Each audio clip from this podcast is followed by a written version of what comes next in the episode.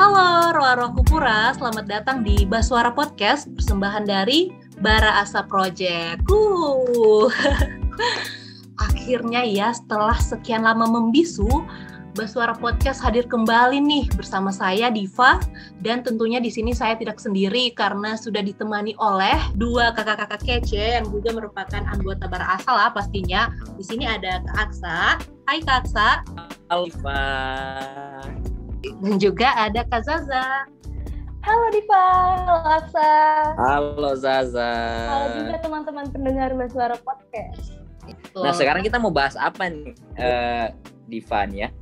Nah, di episode 3 kali ini kita bahas bahasan yang relate banget sama mahasiswa-mahasiswa nih. Mungkin teman-teman pendengar ini semuanya juga mahasiswa atau ada yang lagi jadi maba nih gitu kan. Jadi uh, lagi uh, antusias-antusiasnya untuk bikin tujuan selama jadi mahasiswa tuh mau mau buat apa saja sih seperti itu. Kalau uh, dari Kazaza dan Kak Aksa nih sekarang lagi sibuk apa sih? Uh, kalau saya sih sekarang ya di samping kuliah, di samping mm -hmm. mengerjakan skripsi, uh, di samping mengerjakan tugas-tugas uh, perkuliahan, tugas-tugas magang, ya saya juga ikut ikut organisasi juga. Saya juga ikut uh, beberapa kali juga ikut-ikut masih ikut-ikut kegiatan-kegiatan dalam bidang kepenulisan. Nah, kalau teman-teman bagaimana? Sendiri ya, lagi karena udah semester 7 gitu ya, jadi ya, sibuk sama uh, skripsi, mulai juga, terus habis mulai mulai penelitian, turun lapang, uh, sibuk sama KKN, sibuk, uh, apa lagi ya, organisasi juga gitu, dan kegiatan-kegiatan lain gitu ya, ekstra, nggak kampus. Diva, apa nih kesibukannya? Nah, iya, Diva apa ya? Kalau saya sendiri sih, karena sekarang semester 5 itu uh, lagi kuliah tentunya dan juga lagi sibuk organisasi sama sibuk mengembangkan ya soft skill soft skill yang sekiranya bakal dibutuhkan untuk kemudian hari seperti itu. Tapi Wede, keren keren keren. Kalau didengar-dengar dari kesibukan kita tadi kan kita nih semuanya ikut organisasi gitu ya. Jadi uh, sebenarnya apa ya penting apa sih organisasi itu bagi mahasiswa mungkin teman-teman pendengar juga uh, penasaran gitu ya uh, sebenarnya kenapa sih kita harus ikut organisasi? Apa sih yang bisa kita dapatkan dari ikut organisasi itu? Kalau buat aku sendiri, organisasi itu uh, penting banget parah karena uh, untuk hmm. buat wadah belajar kita memegang tanggung jawab, kita dapat tanggung jawab itu kayak gimana sih jadi tanggung jawab? Uh, bekerja sama dengan orang lain dari berbagai karakter, berbagai latar belakang yang beda-beda. Uh, terus belajar hadapi masalah juga kalau misalnya lagi ada project di organisasi gitu kan. Jadi itu akan jadi bekal ke depannya. Percaya nah, deh.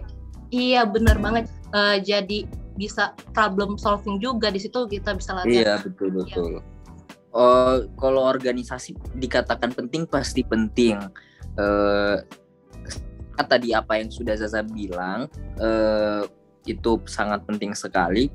Uh, kalau bagi saya organisasi ini sebenarnya merupakan suatu apa ya uh, wadah investasi buat khususnya buat nanti para mahasiswa setelah lulus dan hmm. ketika memasuki dunia pekerjaan. Jadi uh, bagaimana di organisasi di situlah uh, tahap ibaratnya tahap awal untuk mengenal dunia kerja yang sesungguhnya, bagaimana manajemen tim, bagaimana problem solving, bagaimana menyusun suatu program dan lain sebagainya. Nah, di organisasi inilah teman-teman bisa belajar dan mengenali uh, mengembangkan soft soft skill tersebut untuk nanti itu bisa berguna ketika nanti di masa depan. Uh, ngomong-ngomong soal organisasi nih, tentunya sebagai mahasiswa itu kita tuh nggak nggak mungkin kan 100% waktu kita itu disumbangkan untuk organisasi. Tentunya ada kewajiban juga nih untuk berkuliah, untuk uh, belajar, apalagi di perkuliahan tuh tugasnya tidak apa ya tidak sedikit gitu ya. Bisa sehari bisa ya, satu deadline lah.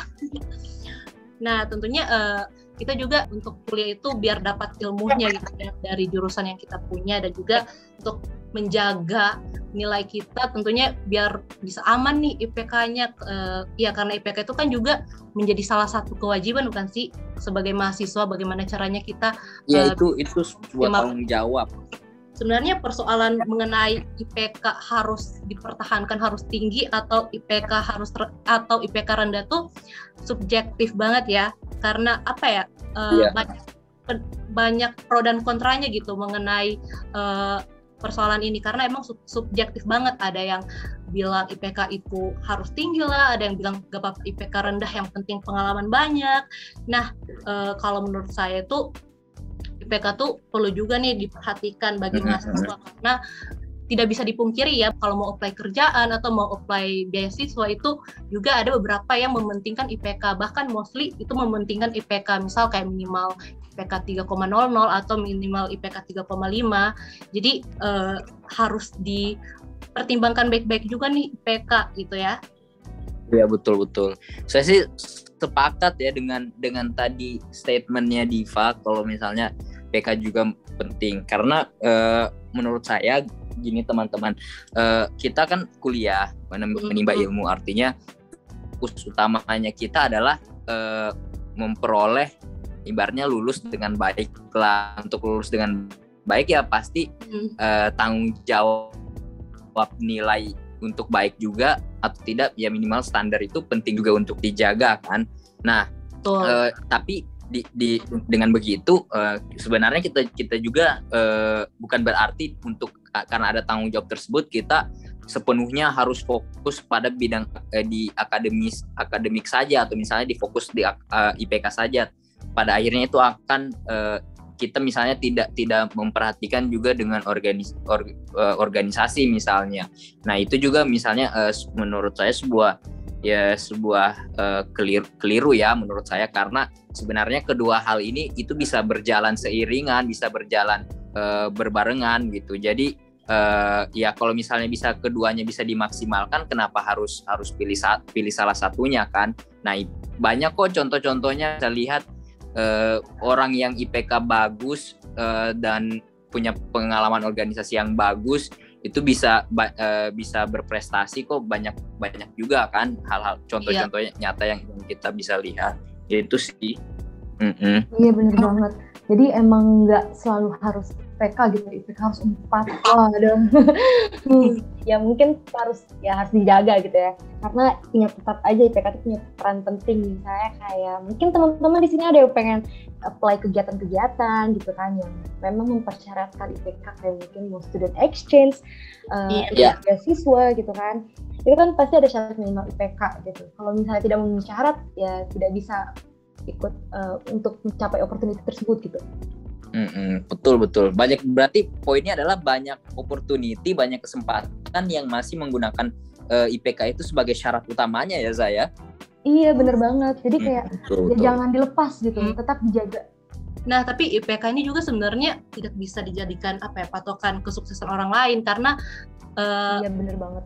Karena ya kan yeah, yeah. ada yang beranggapan kalau uh, mungkin teman-teman pendengar di sini ada yang merasa IPK-nya kurang nih itu jadi apa ya jadi down jadi sedih jadi eh stres banget lah pokoknya mengenai IPK-nya tapi sebenarnya itu tidak bisa juga dijadikan patokan buat sukses atau buat gampang cari kerjanya seseorang karena um, jalan untuk menuju kesuksesan itu beda-beda sih tiap-tiap orang. Itu bisa saja mungkin hmm, um, ada buat bisnis atau bikin kos 10 10 pintu gitu ya tinggal duduk-duduk tapi ada pemasukan gitu. Kalau kalau hmm? penekananku sih uh, ada pada ini ya, uh, yeah. tak bagaimana tanggung jawab masing-masing tiap yeah, mahasiswa uh, atas pilihan yang dia pilih gitu. Jadi nah. kalau misalnya toh ada uh, pada saat itu dia mau mau memilih hanya fokus di bidang di akademik saja tidak fokus di organisasi ataupun sebaliknya ada yang fokus di organisasi tapi akademiknya tidak di, begitu diperhatikan ya itu setidaknya menjadi tanggung jawab dan seharusnya iya. pilihan tersebut dia menyadari uh, atas pilihan yang telah dia ambil gitu jadi uh, tentu ketika dia memahami pilihan yang dia ambil pastinya uh, misalnya di ini ada orang yang fokus di bidang akademik saja organisasi tidak nah mungkin dia uh, tujuannya adalah misalnya untuk menjadi seorang akademisi ataupun hmm. begitu sebaliknya yang hanya fokus di organisasi ya hmm. tujuannya hmm. mungkin untuk menjadi uh, organisatoris atau misalnya menjadi uh, karirnya bisa ber, menjadi lebih hebat melalui organisasi. Nah, itu kan kita tidak tahu. Oh, ini adalah bagaimana bisa memak, uh, memahami diri uh, untuk atas pilihan tersebut dan memaksimalkan untuk diambil pelajaran penting uh, dalam setiap pilihan yang dia ambil itu. Gitu. Ya, berarti harus tetap punya tujuan ya Aksa ya. Iya Ada betul. Harus dan sadar konsekuensi. Iya betul betul betul tadi Kak Aksa bilang kan uh, mungkin ada yang fokus akademik. Ini bisa, mungkin bisa relate juga nih dengan istilah mahasiswa kupu-kupu gitu. Di mana uh, yeah, dalam yeah. mahasiswa ini kerjanya kuliah pulang, kuliah pulang, tidak ikut organisasi atau mungkin organisasi di kampus. Mm. Sebenarnya berarti dari bahasan Kak Aksa tadi itu tidak ada salahnya juga tidak sih kalau misalkan kita memilih untuk jadi mahasiswa kupu-kupu uh, selama Iya, iya. Iya kan?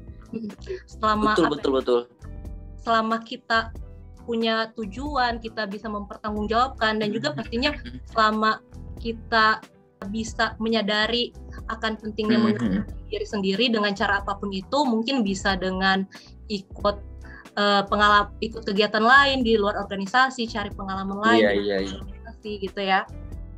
Jadi sebenarnya apalagi di era seharusnya di era sekarang ya, di zaman yeah, yeah. sekarang ini uh, jadi paradigma atau uh, stigma stigma terhadap mungkin teman-teman yang kupu-kupu yang yang menandakan kalau dia itu uh, adalah ibaratnya anak yang nolep atau barangkali anak yang rebahan. tidak mau bersosialisasi, anak yang hanya kerjanya cuma rebahan. Mungkin itu stigma tersebut mungkin bisa bisa di, dirubah sekarang karena memang kita tidak tahu gitu kan hmm. setiap jalan yang orang pilih itu ya tujuannya apa dan dia pasti punya tujuan tersendiri untuk memilih uh, jalan yang dia pilih tersebut entah dia mau kupu-kupu kah mau kura-kura kah mau kunang-kunang kah mau kuku yang lain banyak ya hewan di kampus banyak iya makanya jadi yang yang yang ya. hanya bisa kita lakukan adalah uh, bagaimana kita misalnya ya memperbaiki komunikasi saja dengan uh, dan jaringan terhadap teman-teman yang uh, seperti itu gitu misalnya tem dengan teman kita punya teman-teman yang kupu-kupu kita juga punya teman-teman yang uh, kura-kura kita juga punya teman-teman yang kuku yang lain. Dengan begitu kita bisa, bisa berkomunikasi kenapa sih sebenarnya dia pilih jalan ini apa sih iya. tujuannya? Yep. nah dengan begitu akhirnya kita punya stigma bisa berubah dan tidak uh, selalu buruk Jadi terhadap lebih paham gitu ya Aksa ya? Bisa lebih ya, paham ya bisa lebih mengerti gitu sih. Iya benar banget. Karena bisa jadi uh, dengan kupu-kupunya seseorang itu dia ngurusin bisnis, mungkin bisa iya, cabang gitu kan kita nggak tahu. Mm-hmm, betul betul. Uh, bisa jadi lagi ikut project, uh, nulis kartu, ih banyak mm-hmm. banget bahkan yang bisa dilakukan dengan iya, bahan gitu ya. Mm-hmm. betul betul betul sepakat sepakat. Iya karena stigma-stigma tentang mahasiswa kupu-kupu tuh banyak banget ya di luar sana makanya orang tuh sampai kadang sampai takut gitu untuk jadi uh, untuk tidak ikut organisasi. Padahal sebenarnya kalau dipikir-pikir masih banyak cara lain dan juga itu tergantung dari diri sendiri gitu ya. Mm -mm, mm -mm. Tergantung dari diri sendiri bagaimana bisa mm -mm. mengambil pelajaran atas apa yang dia pilih dan mengembangkan ya. dirinya menjadi Benar. lebih baik. Benar. Ya, benar. Mungkin antara Diva atau Aksa punya pengalaman jadi kupu-kupu mungkin untuk beberapa waktu. Nah, kalau saya sendiri punya sih kak. Jadi uh, gimana waktu, tuh? Ya gimana tuh? Gimana? Oke, okay, jadi waktu awal uh, masuk perkuliahan itu kan sebenarnya uh, saya mikir nih apa mau ikut organisasi atau tidak ya. Dan juga uh, sebenarnya hmm. waktu itu mau ikut salah satu organisasi kampus gitu kan, tapi ternyata tidak apa kelewat begitu opreknya. Jadi ya sudah akhirnya uh, semester akhirnya mikir nih putar otak gimana caranya karena di situ dulu itu anggapanku kalau kita jadi mahasiswa itu harus ikut organisasi karena uh, emang sih dari hmm. awal emang sih tahu akan kepentingannya juga tapi pada saat apa ya terlewat tidak tidak ada kesempatan untuk ikut organisasi jadi jadi down sendiri gitu loh akhirnya kayak putar otak yeah, dan yeah, yeah. kayak percaya diri lagi kayak sebenarnya uh, banyak cara kok yang bisa dilakukan untuk mengembangkan diri selain di, di organisasi. Misal uh, seperti uh, ikut kursus mengembangkan soft skills ikut apa ikut kelas-kelas mungkin ada men kelas uh, kelas mentoring seperti itu atau uh, melakukan kegiatan-kegiatan positif lainnya. Nah dari situ saya saya mulai ini sih mulai uh, sadar juga ternyata uh, kalau misalkan mahasiswa kupu-kupu tuh jangan jangan dianggap dia nggak ngapa-ngapain gitu. Tapi betul, betul, betul. itu juga kita kan tidak tahu gitu di luar sana mungkin dia ada melakukan apa atau dia lagi menulis lagi nulis buat karya tulis atau dan lain sebagainya seperti itu. Dari situ sih kayak luar pikiran saya terbuka sih mengenai mahasiswa kupu-kupu ini dan uh, betul, betul, betul. semester lima eh di, ya di semester 4 kemarin itu langsung coba lagi ikut organisasi dan merasakan dan bisa merasakan juga dampak uh, dari ikut organisasi dan juga uh, menjadi mahasiswa kupu-kupu di beberapa semester kemarin seperti itu. keren keren keren keren kalau saya ada nggak nih pengalaman yang bisa dibagi kalau saya sih uh, ini ya apa uh, mungkin mungkin uh, ini yang uh, saya cerita ceritakan dari dari awal waktu pas masih maba itu hmm. ikut uh, kebalikannya dari kupu-kupu ikut banyak organisasi ikut ini sampai pada akhirnya ya dengan banyaknya ikut organisasi akhirnya saya kelabakan sendiri maksudnya akhirnya yeah. saya kecapean Paris. sendiri yeah. saking banyaknya organisasi kan diikuti dan akhirnya saya saya tidak mampu tidak mampu itu dan ya se seiring berjalannya waktu naik semester naik semester dan akhirnya saya mulai mengurangi eh, organisasi-organisasi uh, tadi yang pada akhirnya saya cocokkan dengan oh saya ini cocoknya di organisasi mana ya? Saya ini mas ya, bagusnya di cocoknya lebih uh, sesuai dengan karakter saya itu di organisasi mana dan tujuan saya itu ada di mana gitu. Nah jadi pada akhirnya ya saya lebih mencocokkan organisasi pilih organisasi untuk dimasuki yang mana ingin dimasuki. Nah tapi karena dengan demi ini semua gerakan terbatas jadi ya mau tidak mau setelah eh, apa setelah misalnya ikut perkuliahan ya ya berasa seperti kura selama pandemi ini sih berasa hmm. seperti sebagai mahasiswa ini mahasiswa kupu-kupu kuliah pulang kuliah pulang jadi rumah itu juga ya kebanyakan juga banyak juga rebahannya gitu kan hmm.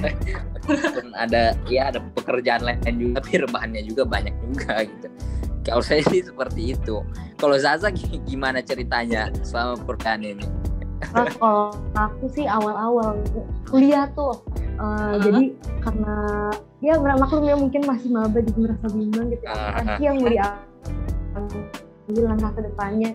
Nah jadi aku ingat tiga semester pertama aku sempat stres, ada masa-masa di mana aku stres kalau ngelihat orang sibuk gitu, kalau dengar orang rapat, ah. kok nggak rapat gitu. Lain sendiri ya. Kok nggak rapat gitu, iya. Karena emang kuliah pulang kuliah pulang gitu kan. Ya. Kok nggak rapat ya. Terus ngeliatin orang-orang sampai pulang jam 11 malam gitu. Loh, kok aku pulang cepet gitu. gitu jadi bertanya sendiri, ya? gitu. Iya jadi stres sendiri kayak ah kenapa salah ya kayak gitu. Ya, ya aku ngisinya dengan proyek nulis gitu dan ikut lomba jadi hmm. tetap ada gitu betul, yang dikerjain gitu betul, jadi, betul. jangan sebenarnya itu mungkin uh, salah satu dari sifat buruk gitu ya iya, iya, menstandarisasi orang lain standar kita gitu kan betul sepakat sepakat sepakat sepakat iya. Nah, jadi um, harus pintar-pintarnya kita lah untuk milih-milih kegiatan. Apalagi mungkin teman-teman hmm. ada yang awal maba ya gitu jadi uh, lagi mikir. Jadi mungkin dipikir dulu gitu kegiatan yang cocok untuk kita apa. Kalau atau mungkin hmm. kalau memang ikut organisasi ya silakan. Tapi kalau memang tidak uh, bisa dicari kegiatan lain gitu untuk untuk tentunya yeah. untuk mengembangkan diri sih. Kembali lagi itu untuk mengembangkan poin iya betul betul poin poinnya poinnya sih sebenarnya ada di situ jadi mm-hmm. terlepas mau teman-teman itu kura-kura kupu iya. kupu-kupu apalah itu poinnya adalah bagaimana selama mahasiswa ini teman-teman bisa mengembangkan diri teman-teman sendiri gitu menjadi lebih baik gitu iya. terlepas Dan dari apa pun caranya hal-hal baik Mm-mm, betul betul betul betul betul. Jangan sampai cuma ya diam aja dan akhirnya pas iya, iya. malah terlewat iya. tiba baru masuk lulus aja kan. Iya. Tidak seperti itu gitu kan. Betul betul betul. poinnya sebenarnya ada di situ mengembangkan diri gitu. terlepas ya, apa pun, apa pun jalannya caranya. gitu kan Betul. Hmm. mumpun ini ya mumpun masih muda dan juga masih jadi mahasiswa bisa eksplor sebanyak-banyaknya lah yep. kalau Iya. Nah, uh, dan nggak lupa jangan sampai IPK-nya terlewat gitu kan. Iya. Ini. Iya, betul. Tanggung jawab. Iya, benar. Oh, iya.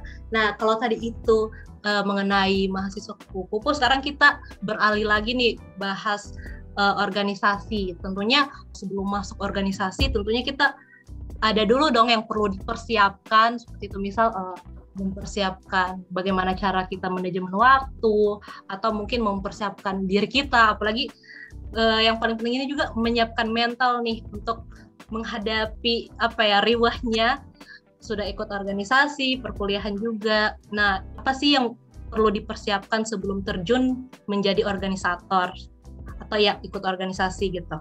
Menurut saya sendiri sih uh, yang pertama ini sebenarnya tadi ini sudah sudah dibahas sih beberapa kali sudah apa ya mungkin ini juga bisa jadi poin. Yang pertama itu tentunya aware sama diri sendiri uh, sadar akan tujuan kita kenapa sih kita mau ikut itu? Terus juga ya pertama latar belakang gitu ya dimulai dari why kenapa kita ikut itu? Apakah memang karena kita ingin mengembangkan soft skill? Apakah kita ingin memang cari pengalaman? Atau hanya ikut-ikutan teman saja nih? Seperti itu. Karena apa ya dengan adanya tujuan itu juga bisa jadi bekal kita. Nantinya kalau misalkan kita lagi jenuh, lagi capek ketika ikut organisasi itu bisa ingat kembali nih tujuan kita masuk organisasi itu apa sih sebenarnya. Kalau memang tujuannya itu baik itu kita langsung wah langsung semangat lagi. Bisa langsung oh iya ya kemarin uh, saya ikut organisasi karena ini. Ini tuh sebuah kebaikan untuk diri saya sendiri juga. Jadi uh, apa ya langsung semangat kembali nih. Terus juga yang tentunya manajemen waktu. Itu penting banget sih karena ya tidak bisa dipungkiri karena memang bisa bisa sesibuk itu ya ikut organisasi sekaligus juga uh, kepanitiaan mungkin atau juga perkuliahan.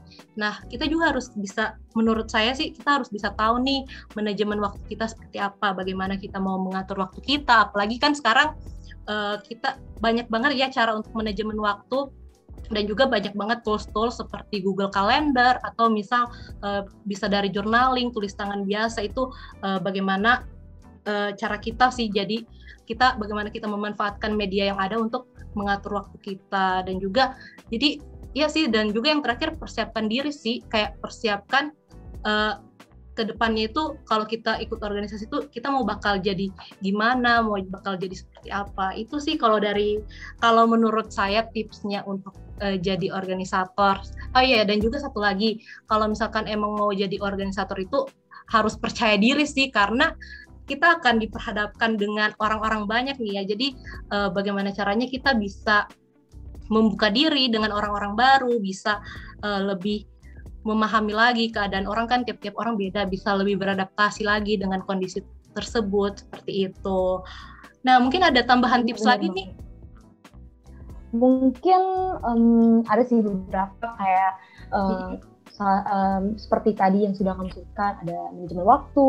Uh, mungkin kalau untuk organisasinya loyalitas ya supaya kalau misalnya untuk iya. masuk organisasi itu menetap gitu jangan nah, baru masuk uh, eh langsung keluar gitu pas merasa gak nyaman. Langsung ghosting jadi, gitu ya? uh, iya. Jadi mungkin untuk menghindari uh, keghostingan itu mengghosting diri itu mungkin bisa dilihat dulu organisasinya cocok nggak hmm. sama diri kita. Uh, iya. kira-kira tujuan organisasinya sejalan deh dengan tujuan kita? Atau apa sih yang mau dipelajari dari organisasi itu sampai beres periodenya? Kayak gitu sih. Uh, terus betul, bisa betul, juga kita belajar tentang uh, tanggung jawab untuk memutuskan gitu kan uh, mau punya kegiatan ekstra kayak gimana sih? Dan apakah cuma dengan pembagian waktu saja? Jadi kalau misalnya pembagian waktu saja kan belum tentu hasil kerjanya atau mungkin nilai IPK yang uh, didapatkan nilai-nilai akademik itu um, apa ya maksimal gitu kan. Jadi coba dipikirin juga mungkin uh, bentuk tanggung jawabnya apa nih gitu dengan kegiatan-kegiatan ekstra itu. Nah iya tanggung jawab terbentuk kan karena kan kita harus menentukan bentuk seperti apa sih kita di masa depan.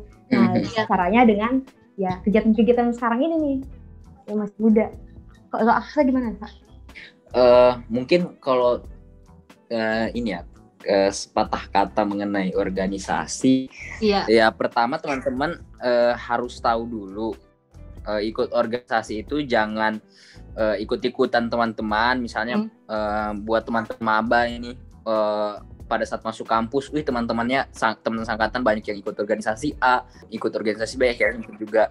Nah, uh, mungkin teman-teman ya harus harus sadar dulu pada diri sendiri. Uh, pertama sih bukan uh, bukan apakah saya harus uh, apakah saya harus memilih organisasi A atau organisasi B, tapi harus dipertanyakan itu adalah apakah saya harus ikut organisasi atau tidak gitu kan. Hmm. Nah, kalau misalnya ini saya harus ikut organisasi jika iya oh saya organisasi baru pilih organisasi A atau organisasi B. Tapi jika tidak tidak mau ikut organisasi apa nih hal-hal yang bisa saya lakukan untuk memper, uh, memperbaiki atau meningkatkan kualitas diri saya gitu kan? Nah cara-caranya apa-apa aja disesuaikan. Nah kemudian setelah misalnya sudah masuk ke dalam organisasi uh, misalnya memilih organisasi nih teman-teman nih. Nah itu uh, yang harus teman-teman miliki adalah kemampuan untuk uh, apa ya kemampuan untuk bersosialisasi kemampuan kembangkan menjadi orang yang terbuka kemampuan untuk e, bergaul. Nah hal-hal dengan hal-hal seperti itu nantinya e, itu menjadi gerbang yang akan membuka kemampuan-kemampuan lainnya gitu. Seperti misalnya di situlah e, kemampuan public speaking misalnya atau kemampuan iya. menulis misalnya. Nah jadi e, dengan setelah masuk ke organisasi ya sifat keterbukaan itu dulu yang harus uh, di, di, disadari gitu bahwa oh saya ini bukan hanya sendi bekerja sendiri tapi saya uh, ya, bekerja benar. dengan orang-orang yang banyak ya, kayak begitu dan akhirnya nanti dapat mengembangkan kemampuan diri sesuai dengan uh, tujuan awal uh, apa sih yang pengen teman-teman capai nanti setelah lulus misalnya? Atau cita-cita apa yang pengen dikejar? Nah begitu sehingga nanti itu bisa relate gitu kan uh, step-stepnya step by stepnya yang akan dicapai. Iya benar sih. harus bertujuan ya Aksa ya? Jangan iya betul. jalan tanpa poin utamanya harus bertujuan betul ya. betul. Jadi itu tadi dia guys sudah uh, bahas mengenai tadi mengenai organisasi. Kenapa sih organisasi itu penting? Tadi juga sudah bahas tentang IPK bahas tentang kupu-kupu. IPK Oke, mungkin kita sampai di sini dulu nih. Udah cukup banyak ya dibahas iya, tadi didiskusikan betul. ya. Iya, luar biasa banget. Nah, semoga Jadi pengalaman juga. Iya, semoga ada hmm. ada hal-hal baik yang bisa diambil dari episode kali ini bagi teman-teman. Betul, amin. Amin, amin, amin. amin. Oke, jadi sampai di sini dulu episode 3. Di sini saya Aksa. Saya Zaza. Dan saya Diva. Jangan lupa dengarkan episode selanjutnya ya. Bye-bye. Dadah. Dadah.